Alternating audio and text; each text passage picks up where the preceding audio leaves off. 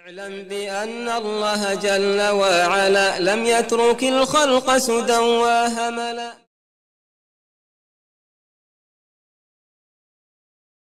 الحمد لله الصلاة والسلام على رسول الله استعين بالله لا حول ولا قوة إلا بالله. اللهم لا سهل إلا ما جعلته سهلا وأنت تجعل الحزن إذا شئت سهلا اللهم أرنا الحق حقا وارزقنا اتباعه وأرنا الباطل باطلا وارزقنا اجتنابه. ولا تجعل الحق ملتبسا علينا فنضل. اللهم آت نفوسنا تقواها وزكها أنت خير من زكاها أنت وليها ومولاها. برحمتك يا أرحم الراحمين. اللهم وفقنا لما تحب وترضى وخذ بنواسينا للبر والتقوى. اللهم إنا نعوذ بك من همزات الشياطين ونعوذ بك ربي أن يحضرون.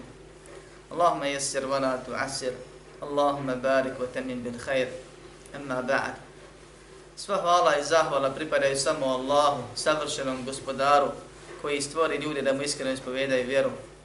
Salavat i salam na Muhammeda sallallahu alaihi wa sallame, pouzdanog, pravednog, milostivog, kojeg Allah posla sa istinom i objavom i uputom da ljudima u ibadetu pokaže Allahovu mjeru. Hvala Allah, gospodaru svjetova, što nas okupi oko učenja vjerovanja građenog na čvrstim temeljima, na jedinim ispravnim temeljima Allahovoj knjizi sunnetu poslanika Muhammeda sallallahu alaihi wa sallam. Molim Allaha subhanahu wa ta'ala da ono što čujemo i slušamo i saznamo bude i učini korisnim za nas i da bude dokaz za nas, a ne protiv nas. A zatim nastavljamo sa drugim dijelom predavanja koje govore o drugim dijelu šehadeta Muhammedun Rasulullah ili o tome da Allaha subhanahu wa ta'ala izdvajamo u svemu onome u čemu je on posebno. I dajemo mu sva, a ne samo neka njegova prava. Allah subhanahu wa ta'ala nas je stvorio zbog tevhida, A tevhid, kad smo ga na početku govorili detaljno o tim pravilima i stvarima i smjernicama, tevhid je jezički da učiniš ili vjeruješ i smatraš, odnosno izdvojiš neku stvar. Da učiniš je jednom jedinstvenom posebnom, odnosno na drugom. Na drugom. To jest izdvajanje Allaha subhanahu wa ta'ala, vjerovanje da je Allah subhanahu wa ta'ala jedinstven, poseban, u onome u čemu je on zaista poseban. To su općenito tri stvari. Savršenstvo, gospodarstvo i pravo na ibadet. A one se drže mnoštvo stvari. Drugim riječima, Allahova imena i osobine, Allahova dijela i ono što smo mi obavezni prema njemu. Vjerujemo da Allah subhanahu wa ta'ala je savršen. Nazvao se, a nije ga neko drugi nazvao, bez dozvole njegove. Razno raznim imenima, od koje svako, čije svako ime ukazuje na osobinu. I sva njegova imena su najlepša i svaka njegova osobina je potpuna. I u svakoj osobini on nije ničemu sličan. On je savršen svojim bićem, svojim imenima, svojim osobinama. I od njegovih imena je Al-Hakem i Hakim, Al-Hakim i Al-Hakim. I od njegovih imena je njegovim osobina je da njemu pripada hukm. Allah subhanahu wa ta'ala je sudija. I Allah subhanahu wa ta'ala je vladar. I Allah subhanahu wa ta'ala je onaj koji je beskrajno mudar. To su njegove imene. I Allahu subhanahu wa ta'ala pripada samo sva vlast u potpunosti. I Allahu subhanahu wa ta'ala pripada sva odredba. To je srž gospodarenja njegovoga. A mi vjerujemo da je Allah pospano gospodarstvo i Allahu subhanahu wa ta'ala pripada svaki sud. I Allah subhanahu wa ta'ala jedini mora da se obožava. A rob mu robuje, to jest obožava ga tako što izvršava ono što je Allah subhanahu wa ta'ala naredio, to je onoga što je Allah subhanahu wa ta'ala zabranio, sa nijetom približavanja Allahu, željom za nagradom i strahom od kazne, vjerujući bez sumnje u svog gospodara shodno tome, kad Allah subhanahu wa ta'ala nešto naredi, izvršavanje te naredbe je ibadet. Allah subhanahu wa ta'ala za sebe kaže inil hukmu illa lillah. Sud pripada samo Allah. Ko je prvi koji je to rekao, reći mene? Nije nego Allah u Kur'an. Malo samo da vam pažnje privučem. Ko je prvi koji je to zloupotrebio? Hariđi. Allah subhanahu wa ta'ala naređuje, zapovjeda, da se sudi po onome što je on objavio. I kaže, a on je objavio Kur'an općenito i poslao poslanika Muhammeda sallallahu aleyhi ve selleme kao onoga koji tumači i primjenjuje Kur'an i pokazuje i sudi među ljudima, pa kaže ono majetu koji sam prošli put citirao, فَلَا وَرَبِّكَ لَا يُؤْمِنُونَ حَتَّى يُحَكِّمُكَ فِي مَا شَجَرَ بَيْنَهُمْ Tako mi tvoj gospodara kune se gospodar. Oni neće vjerovati, to jest neće biti vjernici ili neće biti pravi vjernici, zavisno u čemu, koje dio vjerovanja ostavljaju, koji dio dijela ostavljaju koji se tamo spomenje, koliko i na koji način i tako dalje. Sve dok tebe za sudiju u svojim sporevima ne uzmu, to je Muhammeda sallallahu alaihi wa sallam, zatim u svojim srcima ne osjete nelagodno zbog toga ako protiv njih presudiš, ako se ispostavi da su krivu, i dok se u potpunosti ne pokori. Naše djelovanje po ovoj naredbi, izvršavanje ove naredbe i ibadet. Tako da je suđenje po Allahovom zakonu od strane onih koji vlast imaju i suđenje pred Allahovim zakonom od strane onih koji su mogućnosti da to urade, i badet jedno i drugo ibadet je u ovom segmentu ovako, kao što je Allah naredio. A ne općenito nekakav da se kaže to je ibadet, pa ako ga usmjeri nekom sem Allah učinio širk, pa onda govorit ćemo oko detalja zloupotrebe ovog pravila. Zbog toga suđene i nesuđene po Allahom zakonu spada i zadire u vjerovanju u Allahovu savršenstvo. Kroz imena koje sam spomenuo osobine. Da je Allah sudija, da je Allah mudri koji stavlja sve na svoje mjesto.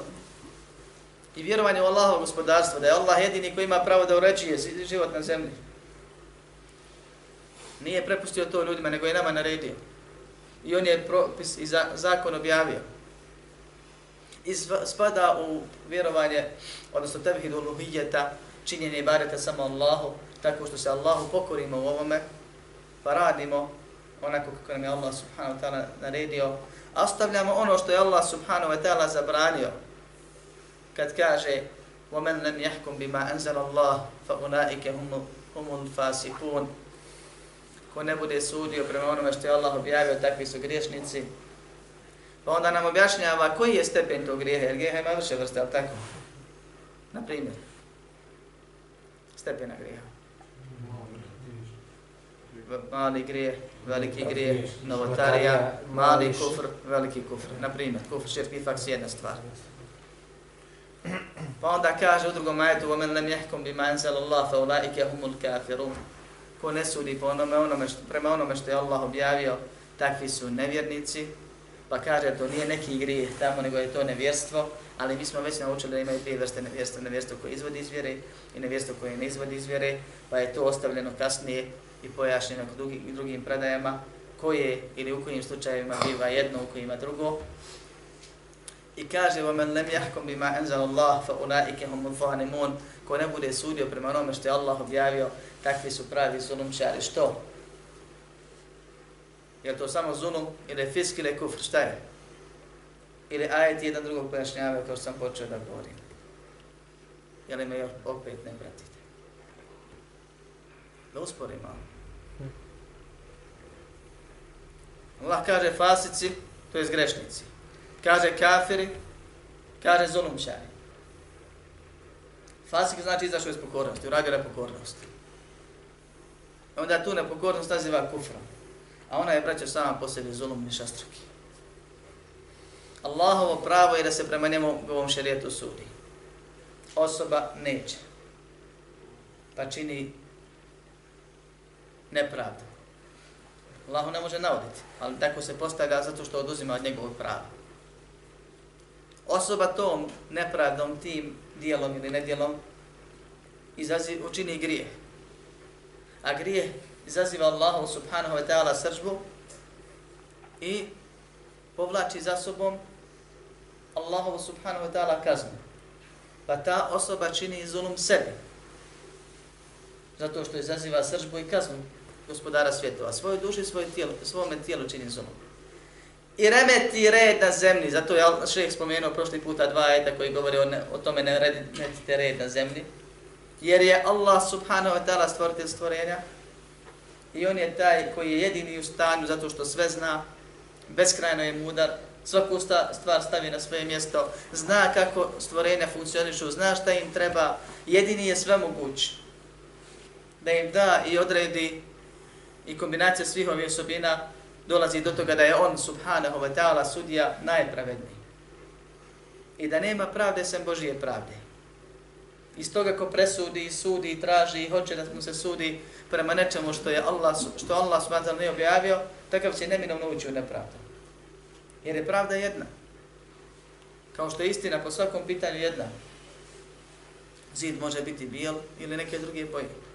Mi se možemo razići na 15 mišljenja. A on je samo jedne boje.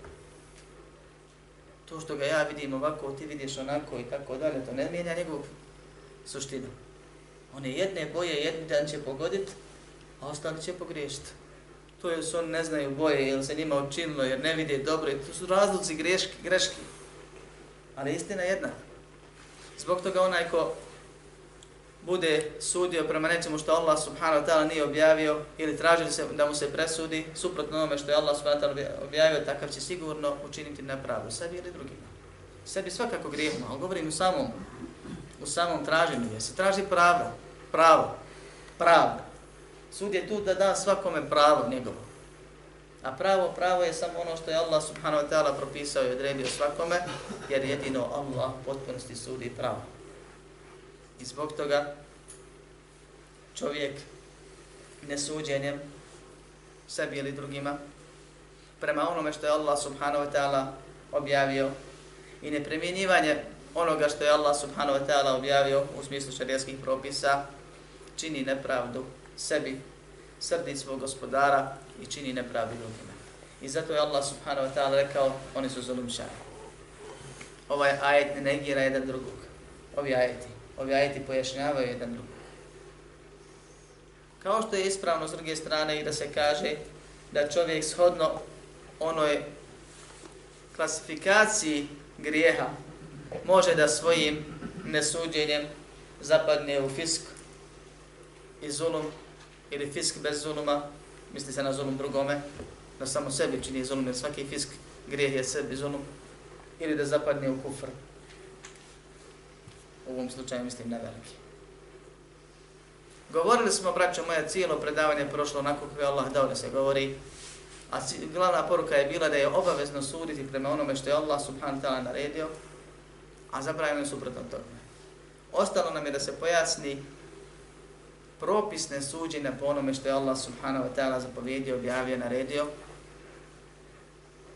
u kojim situacijama biva veliko nevjerstvo, u kojim situacijama biva grije koji je nazvan malim nevjerstvom, a ne izvodi iz vjere, da li postoje situacije kad je to dozvoljeno, da li je to jedno pitanje kao što su ga mnogi shvatili greš, pogrešno, ili se tu u tom pitanju prilazi sa više aspekata, jedno je suditi, drugo je parničiti se, treće je vladati, četvrto je unutar vladanja djelo, tuđe vlasti djelovati i tako dalje. Pa ćemo ako Bog da početi s ovim stvarima, s tim da moram podsjetiti sebe i vas, da je kad su Haridje došli Ibn Abbasu i dokazivali se ovim ajetom da su kafiri oni koji su ne protekfili zato što ne sude po Allahom zakonu, Ibn Abbas rekao, nije to taj kufr na koji vi mislite, koji, ako vi, za koji vi mislite da se na njega odnosi, nego je to kufr, to ne kufr. U ist, kod islamskih učenjaka, kod ahli sunnata val džemaata, postoji kategorija koja se zove kufr, dune ne kufr ili mane kufr. Kufr koji ne izvodi iz vjeri. To nisu nekakve murđije izmislili. To nije nekakva olema pokvarena izmislila da zavode ljude s pravog puta, kao što neki govore. To je termin šarijski koji postoji, stoji od oba sahaba. I kufr i nevjerstvo se dijeli na veliki kufr koji izvodi iz vjere, poništava dijela, ukoliko se ne pokaje, obavezuje vječni boravak u džahennemu i trajno izvodi iz ženeta. Za razliku toga mali kufr je dijelo koje ima elemente kufra, ali ne izvodi iz vjere, zato što postoji dokazi poput obhođenja poslanika sallallahu i ashaba prema onima koji ga čine, da su bili ljudi koji su to činili, nisu protekvjenim doba poslanika sallallahu alejhi ve ashaba na primjer neki drugi dokazi šerijskih u vidu ajeta i hadisa koji pojašnjavaju da je to dijelo nazvano kufrom, zato što je veći grijeh od običnih i velikih grija, kažem običnih, nisu oni mali, su veliki, ali odnosno na to su manji. Ali i u sebi sadrži elemente kufra, ali nema suštinu kufra. Pa zbog toga to dijelo ne izvodi iz vjere, ne obavezuje vječni boravak u džehennemu, ne poništava djela, osim eventualno mali širk ako se nađe u nekom dijelu i mali nifak, ponisti samo to dijelo, dok veliki kufr poništava sva dijela i tako dalje. Braćo moje, Allah subhanahu wa ta'ala je naredio muslimanima da sude po šarijeti, o tome smo govorili. I u tome nema razilaženja. O tome Kur'an govori. To je Allahov pravo. Isti taj Allah subhanahu wa ta'ala, savršeni gospodar u Kur'anu kaže La yukendifu Allahu nefsan illa us'aha. Allah ne opterećuje nikoga preko njegovih mogućnosti. I svaka naredba pa i ova uvjetovana je mogućnošću. Pa čovjek sudi ako može i koliko može. Allah subhanahu wa ta'ala kaže yuriduna an yatahakamu ila at-taguti wa qad umiru an yakfuru bih. Hoće da se sude, žele da se sude pred tagutom, a naređeno im je da ne vjeruju u njega i smatra i naziva nevjernicima one koji samo žele, a još nisu uradili. Šta žele, braćo moje? Kad? U kojoj situaciji? Šta je dokaz da je to baš tako? Tefsir onaj koji smo slušali, događaj, po, po, povode i objavi ajeta. I na kraju krajeva ajeti su objavljeni ljudima koji su već imali šerijski sud. Ashabima. Allah ovdje ne govori o ljudima koji nemaju šerijski sud. Ne govori o osobama koji žele da pobjegnu od šarijeta. Da odu kod onih koji im daju više nego što im je Allah dao i propisao. Da žena koja u nasljednom pravu sleduje pola u odnosu na muškarca, ode i traži jedan kroz jedan, pola ukupnog imetka, a ne trećinu. Sestra i brat, na primjer, ako ne sleđuju zato što je tagut, a tagut je u ovom slučaju svaki onaj koji ne sudi po šarijatu, daje više nego što joj daje Allah, pa ona traži svoje pravo i želi da joj se da više nego što joj ste. Suprotno tome je kad šarija traži žestoku kasnu, poput kamenovanja, poput smrtne kazne, sjecanja ruku i tako dalje, a neki drugi tagovski neislamski zakon propisuje blažu kaznu da čovjek želi da pobjegne od te jače kazne ka blažoj kazni. I sama želja da se zaobiđe i izbjegne Allahov šarijet i nevjerstvo. Koja je vrsta tog nevjerstva? Vidljivo, nevidljivo, jasno, nejasno, širk, kufr, nifak. Ovdje vas pitam pitanje koje smo slušali prošle jel? Nifak. Nice mi jasno jer mi ne znamo šta ko želi. I čime se pravda kad nešto uradi. Da li se tekfiri za nifak? U osnovi se ne tekfiri, dok se ne pokaže, to ne pređe u dijelo ritete. I ovo su bitne stvari se znaju. I da imamo i posvijest kako smo razumijeli kasnije propise i zašto ulema dijeli ovako i na stanja i situacije. I da ulema je ta koji su nasljednici vjerovjesnika i poslani, vjerovjesnika uzeli su poslanikom miras, a ne i sanatu a on nije ostavio dinare i dirhem, ostavio je znanje, a da to nisu ljudi koji odvode u zabludu i rade i pišu da bi ljude zabavili od učenja ispravnog tevhida, kao što neki kažu. Shodno ovim stvarima, braćo moja, da je čovjek obavezan da sudi i da mu se sudi, da traži da mu se sudi po šarijetu s jedne strane, da je izlazi iz vjere ako samo želi da zaobiđe šerijat uz mogućnost primjene šerijata. Da Allah ne opterećuje nikoga preko njegove mogućnosti. Islamski učenjaci su se složili da nesuđenje po Allahovom zakonu biva veliko nevjerstvo u nekim situacijama, a različu se oko nekih. Prije toga, nakon prve fitne vezane za ovu stvar, haridžijske, i kad se ovo pitanje aktualiziralo među muslimanima i umetom i islamskim učenjacima, u osnovi se ulema podijelila od pamti vijeka.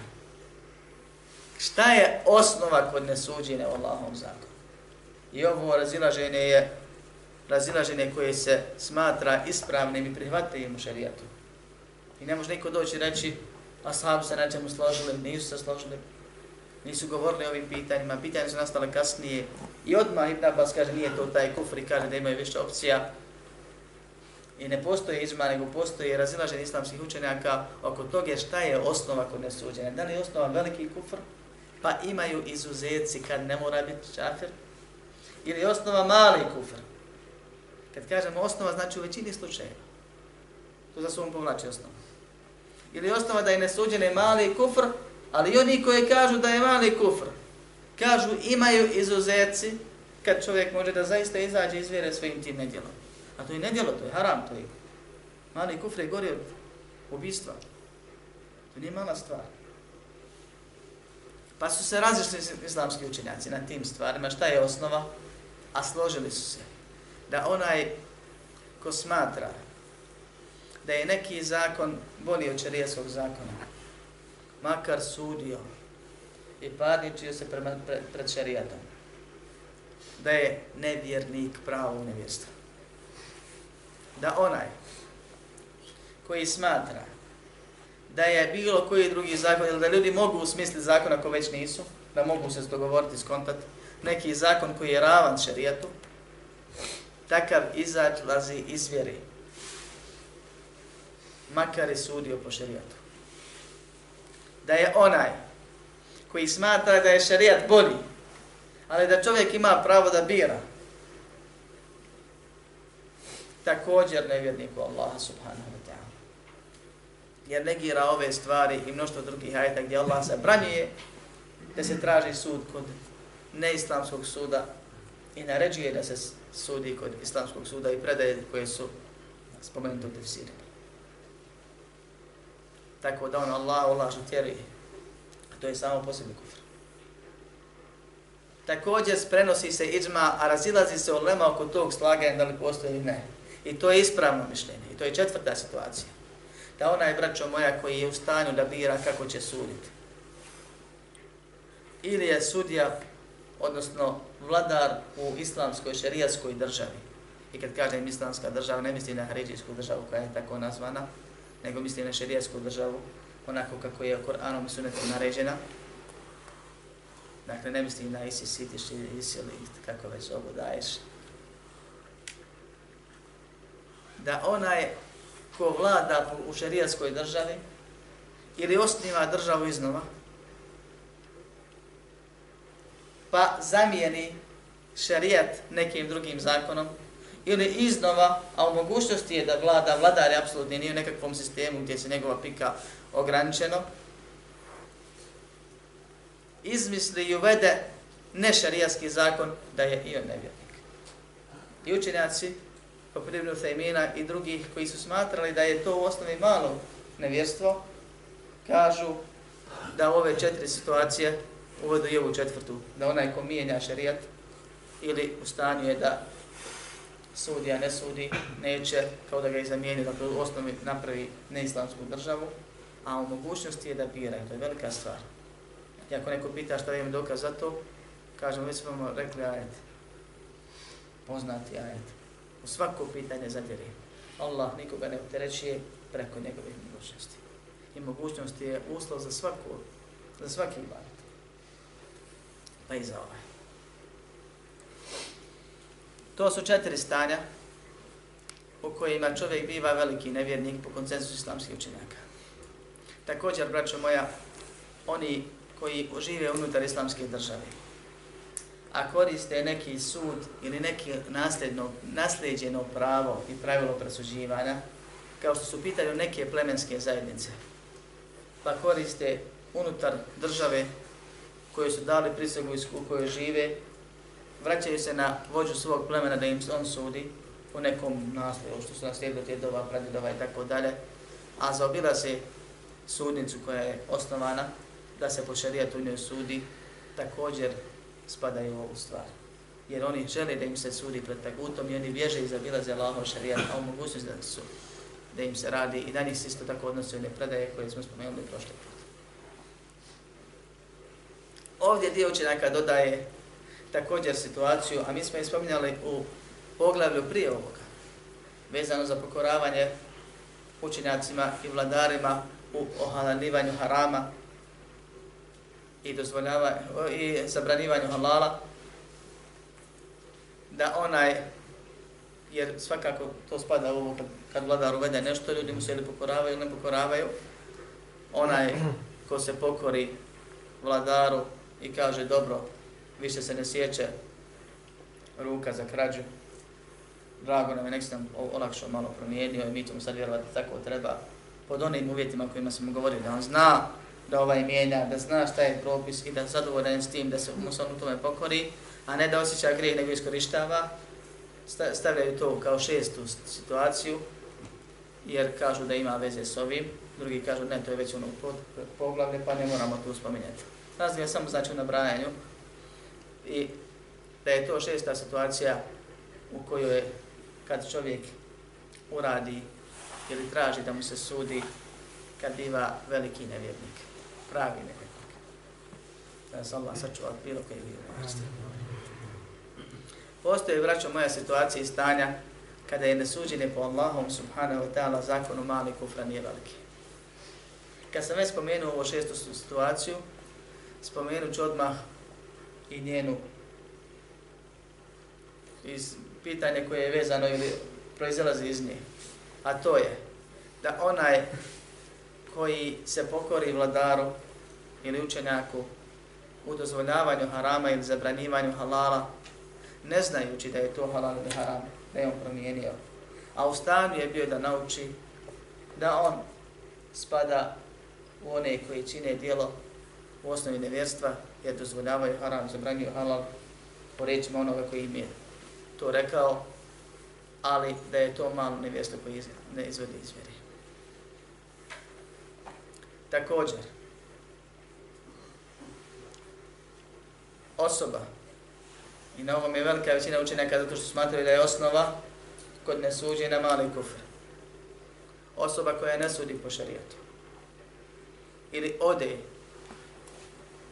kod taguta da mu presudi suprotno šerijatu. sve dok to ne ohalali i ne vjeruje, i vjeruje da je grešan zbog toga. I da je Allah sudi spravan. Dakle, vjeruje da Allah sudi spravniji, ali ne vjeruje da ima pravo da bira kao onaj prvi, nego smatra se grešnim zbog toga. Zna da je zulum učinio i grijeh počinio, da je to dijelo malo kufra. Drugi razdvajaju kad je u pitanju vlast, a i kad je u pitanju dijelo pojedinca, to jest jedno je suđenje i nesuđenje u smislu vladanja, a drugo je iskorištavanje postojećeg suda. Kod dijela, braćo moja, kojima je, znači, u kojima je malo nevjestvo i u kojima je nesuđenje dozvoljeno, uslov je da nema šarijetskog suda. Jer kad ima šarijetski sud, čovjek nema pravo da bira. Ispada u onaj koji želi da se sude pred tako. Također kažu da onaj koji sudi po šarijetu i vlada po šarijetu, ukoliko u nekim segmentima mali, jedna, dva, tri, četiri pitanja, određen broj pitanja, promijeni šarijet, ali ostavi i dalje u, da je osnova suda, da je ustav šarijetski, i većinski, u većini stvari sudi po šarijetu, skoro da su složeni islamski učenci da takav nije nevjednik.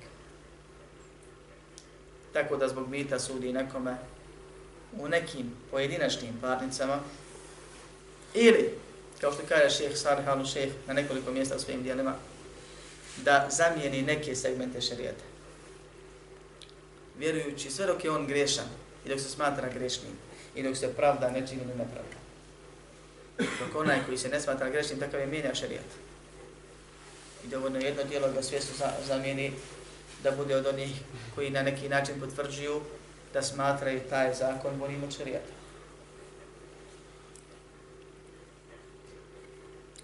Koji je ovo po redu? Četvrti. Koji smo završili? Ovaj, za, eh, uh, koliko čovjek prvi negdje se ne Po redu koji smo završili. Aha, treći. Koliko ima stanja, znači, kad je mali kufr? Nisam rekao ništa, tam se počeo nabrajati. Nabrojao sam šest stanja kad je veliki kufr i, i tri stanja kad je mali kufr sam spomenuo. S tim da ovo treće stanje po ispravnijem mišljenju se razdvaja na dva. Prvo je kad čovjek sudi kao sudija, pa kaže, kod mene se sjeće ruka za krađu, ali kad mu dođe rođak ili kad ga neko podniti, samo njega izuzme. A drugo je kad vladar promijeni neki detalj, ali zadrži suđene po šarijetu u 90% drugih slučaja. Pa zamijeni, pa sve ljude izuzme u tom detalju. I tad, kao što je poznato kroz historiju, da su vladari uvodili zakone koji se suprostavljaju šarijetu i da ih ulema nije tekfirla. I tad on biva nevjernik malog nevjerstva, to jest grešnik, sve dok sebe smatra grešnim, dok ne dozvoli da halali tu stvar. I ljudi se pravdaju. Posjećam vas na pravilo da Allah ne opterećuje nikoga preko njegovih mogućnosti. Jer će nam to pravilo trebati. Prvo u životu, a kasnije u razumijevanju sljedeće stvari. Također, braćo moja, postoje tri situacije kada je nesuđenje po Allahovom zakonu, odnosno parničenje pred neislamskim sudom dozvoljeno. Nije čovjek uopšte griješan. Počet ćemo opet sa onom situacijom koju smo spominjali u pred, prethodnom poglavlju, ne predavanju, a to je osoba koja se povede za vladarom ili učenjakom u promjeni šarijeta, a ne zna i nije u mogućnosti da sazna, takav nije grešan. To smo već jednom rekli kad smo te stvari nabrajali. Druga situacija je osoba koja je prisiljena, privedena i sudio se. Taj nije griješan. I na njemu je, braćo moje, da sarađuje. I na njemu je da sebi veću štetu ne izaziva, ne čini.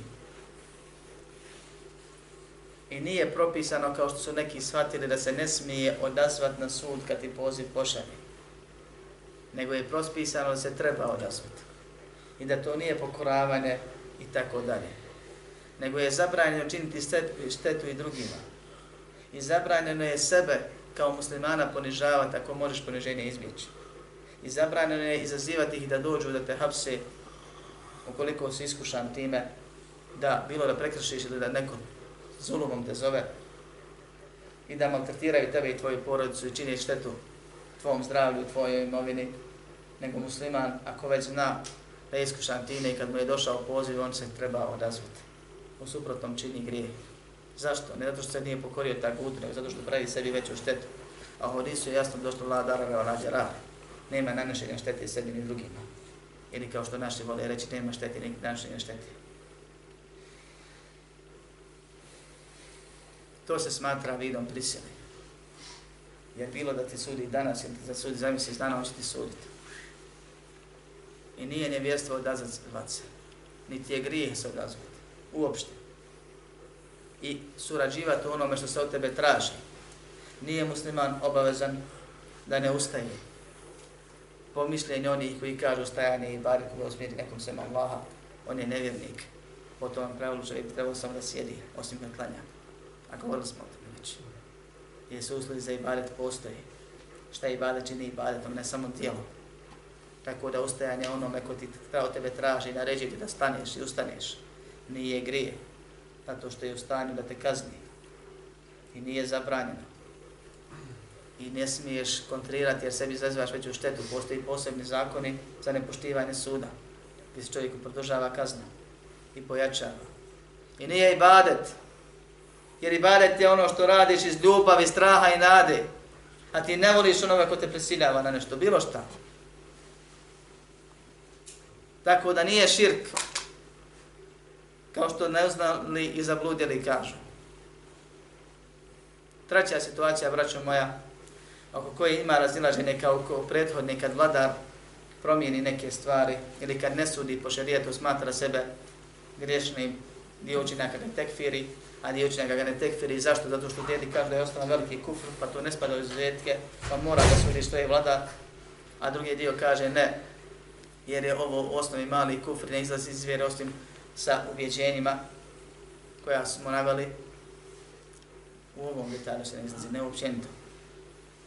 Zato to nije jerđaj, nije murđizam, kao što neki kažu koji ne razumiju pravila i definiciju imana kod ehli sunneta kako treba. Pa kažu, on je nevjernik, također za ovu situaciju učenjaci se podijelili oko situacije koju ću spomenuti, ona je nama svima najbitnija. Odazivanje neislamskom sudu, odnosno podizanje parnici, ne odazivanje, nego traženje svoga prava pred neislamskim sudom. Kažu neki, ako odeš pred sudiju, da ti da ono što ti Allah propisao, a kod njega ideš zato što nemaš kadije, kažem sudija i kadija kao ovaj simbol znači suda, svejedno je, kad je znači sudija, nego samo da, da se razumijemo lakše. Pa nemaš šerijskog kadije, nego odeš kod neislamskog sudije. Da ti da ono što ti je Allah subhanahu wa ta'ala presudio. Kažu ti si tražio da ti tako sudi. Jer ovo logično ili nije logično? Vi što mislite, imate razum pa koristite ga. Vaša logika, šta kaže? Je li ovo islamski ili neislamski sud? Ima logike, ali nije slučaj kad nemaš jasku suda. Je li ovo islamsko suđenje ili nije islamsko suđenje? Šta je po vama suđenje? Šta je sud? Sud je određivanje prava. Ko je pravo odredio? Allah odredio. Kadija, sudija, imao periku, nemo, imao bošu na glavi, nemo, on je samo taj koji ti dodijeli ono što ti Allah naredio. To je sredstvo, to nije sud. Sud je da ti vjeruješ da je ispravno ono što ti Allah dao. I da je neispravno ono što ti drugi daje, Allah ti nije dao. I ti dok tako vjeruješ, ti se sudiš kod Allaha. Ko će ti ta to pravo? Hoćeš se požaliti njegovom babi, da on utiče na sina, ili komši, ili u, na, u nasilnom mjesnom zajednici mirovnom vijeću, ili sudi. To je nebitno, to su sredstva. To nije suđene pred tagutom, koje Allah spominje u negativnom kontekstu. I ovo je bitno da se zna. Tražim od nekoga koji ima vlast da natjera drugoga da mi vrati moje pravo. A moje pravo, moje pravo, ja se već unaprijed znam što je Allah dodijelio mi. Ja sam se sudio kod Allaha. Allah mi je presudio, ja sam zadovoljan s tim i to i hoću. I zbog toga, braćo moja, po ispravnije mišljenje učenjskih učenjaka, suprot onima koji kažu nek ide i metak, nek ide sve, pa kad dođe do neki stepen, oni kažu pa dobro, sad ti je nužda, pa nužda je bila i prije. Suprotno tom mišljenju, dozvoljeno je muslimanu da ide kod sudije i da traži pravo ili dio prava koliko je moguće, ako mu najdaju cijelo pravo, na osnovu pravila. Ono što se ne može u potpunosti ostvariti, ne smije se u potpunosti ostaviti. Znači uzmi koliko možeš, ako ne možeš sve. Pod uvjetima koje sam spomenuo prošli puta prilikom pitanja, sad ću ih napomenuti na predavanje. Prvi i glavni uvjet da ne ima šarijetskog suda. Drugi uvjet, da znaš svoje pravo, da svoje pravo tražiš, a ne pravo koje ti Allah odredio. I treći uvjet, braćo moja, da bi ti to bilo halal, a ne haram, a ne mali kufr, da višak vratiš vlasniku. Ako ti je po neislamskom sudu pripada više, zategnuti kamate ili nešto, ili ne znam, nije ovo ili ono, odjeliti više nego što ti Allah dodijelio, ti ćeš ili odmah na suda koji je moguće, ako sud ne ima te opcije, poslije ćeš kad dobiješ to, otiš čovjek koji vrati višak i reći mu, ja sam od tebe tražio samo svoje, jesi me zakinuo, ovo nije moje, ovo je tvoje. I time si se sudio pred šarijatom. A presudio ti onaj koji je mogućnost ti presudi. I nije uopšte bitno ko ti je dao pravo. Ljudi kad se zakače djeca, pogotovo od babi, tuže ga roditeljima pa dobije. Kad mu ovaj njemu uzme igračku od nešto. Isto je i kad odrasta. Ideš kod koga možeš, ko ima vlast. Ovako mi možemo sjediti kao što neki izmišljaju nekakve šarijetske sudove pa po svojim mještima sjede i na kraju, na kraju suđenja zaključe samo čija je šta žena rekla i opet se vrate, niko nikome pravo ne vrati jer nema izvršne vlast koja će natjerat da se kazni onaj koji kaznu zaslužuje i to nisu sudovi, braćo moje, to je savjetovanje. To je mirenje. To sam već govorio prošli put. Šarijaski sud je sud koji vrsti šarijaska država. A šarijaska država je ona vojska i policija, onaj sistem koji ima vlast na nekom mjestu, koji ti može garantovati sigurnost. I zato je neispravno proglašavanje koje kakvi islamskih država na teritoriji kojom ne vladaju, kao što to bilo u nekoliko situacija u svijetu. To nije država. U šerijatu to se ne smatra državom, računa. Ljudi uzmu kartu, nacrtaju odavde do ovde i naše države, onda počnu da rade kakve stvari, a u tim državama i policijske i vojne postaje od sistema koji već postoji. To nije država. I onda kao takvi počinju daju sebi za pravo da svode šerijatski sud. Oni su osnovni grupacija najsličnija banda u toj fazi. Jer nema pravo da izvodi kazne kad ne može nikoga natjerati i prisiliti. I o tome sam već govorio. Ali ovo vrijeme da se ove stvari detaljno, što detaljnije spomenu za Allahov pomoć. Da istina bude jasna, pa da skrene ko skrene na osnovu dokaza kojeg zna i ostane ko ostane na osnovu dokaza kojeg zna. Kao što Allah u Kur'anu spomenu.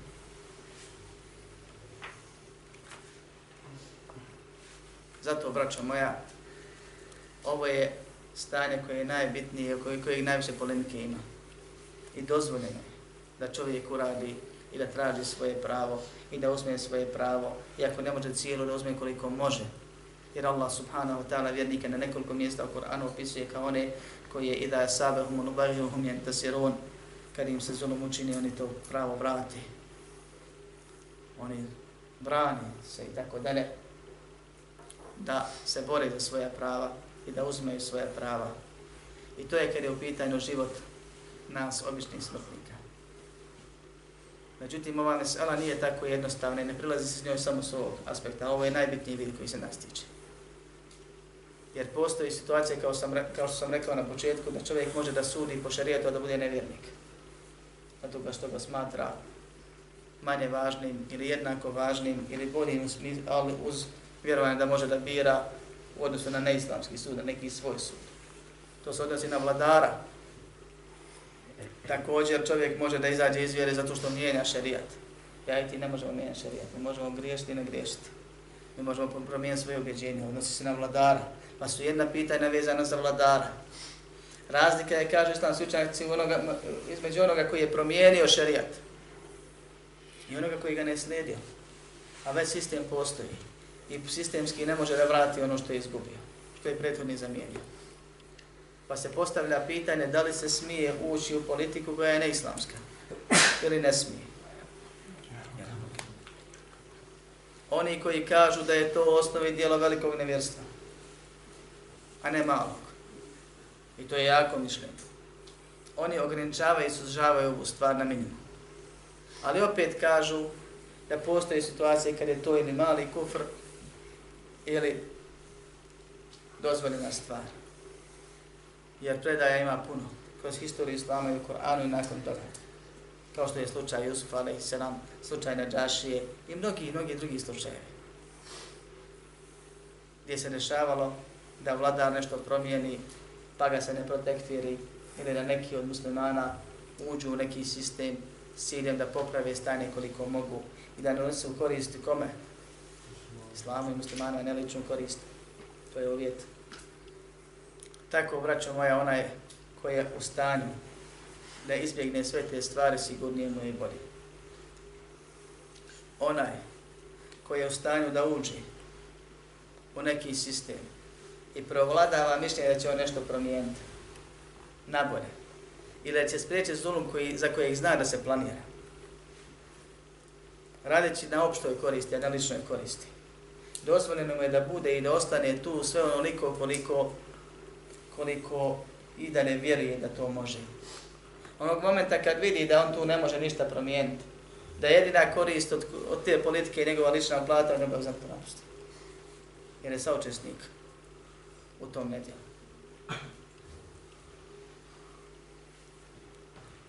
Šta ćemo s izborima? Kufr. Kufr. Otići na listi spred hrišćana. Ne prilaziti nikako. Tekfiriti milion muslimana koji glasaju. Ili ćemo nešto drugo. Ili ćemo izborima prići kao, što, kao da je to otići na termin iz futbala. Pa zvat ljude i čudit se što ne ide, što se malo ne rekreiraš. Ili istina između ove dvije krajnosti. Ko što je uvijek. Izbori, braćo moja, u osnovi nisu od islama. Muslimani ili islam ne podrazumijeva i ne predviđa da se vlast bira na izborima tako što će doktor nauka biti u redu sa prostitutkom ili nekim likom koji ne zna šta će od života i njegov i njen ili njihov glas jednako vrijedi. To u islamu nije predviđeno.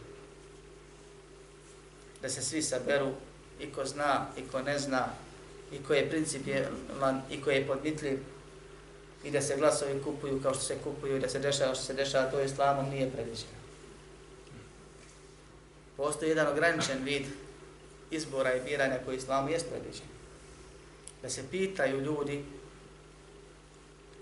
koji su stručni za nešto i da se uzme mišljenja onih koji preovlada. Koji preovlada. Pa su za prisegu Osmana pitali stanovnike Medine radi Allah. Nije to bila presudična stvar, ali bitna bila stvar. Pa u šuri vladar pita šuru. Pa ako se slože radi po onome što su rekli, makar on imao drugo, drugi stav. Jer vjeri da su, da su bolje to skontali. Razumijeli. A nije obaveze. Jer sura ima savjetodavnu funkciju islamu samo. Parlamentu islamu savjet je vladara, vladara odlučuje. Tako je u šarijatu. Ako se raziđu, vladar ima pravo da izabere mišljenje koje on smatra ispravnije. Ukoliko izabere mišljenje koje je njemu duši godi, a ne smatra ga ispravniji, šta ćemo s njega?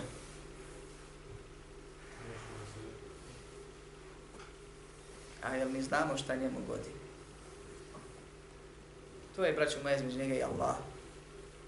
Svaki koji bira kaže ja smatram to ispravnije, ja izabirem to i to je korisnije našoj zajednici, to je ovo i to je ono. I mi mu vjerujemo, jer mi srce ne otvaramo, a da otvorimo samo mi problem na njeli, ne možemo ništa pročitati, Allah zna ono što o njima stoji. To je islamski sistem. Međutim, čovjek koji ne živi u islamskom sistemu, na njega se i dalje odnosi ono na čemu je građen šerijat čitav. Allahov šerijat čitav je građen na donošenju koristi i otklanjanju šteta.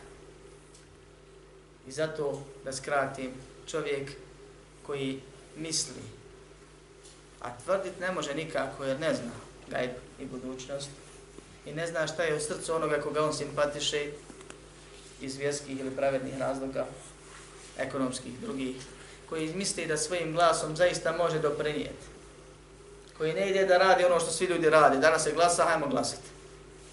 Sutra se slavi, hajmo slaviti, tako dalje. Prekšćate se radi, idemo raditi, nego stane i procijeni raz, skonta. I misli, prevladava mu mišljenje, da može doprinijeti svojim glasom da se popravi u bar u nekom segmentu neko što, to je donijeti neku korist. Ili da se spriječi ili otkloni, da se spriječi, da je zaustavi. Ili to je cilj šarijeta da se umanji štete ili zaustavi nered. Da ne bude gore nego što jest. Ili da je otkloni.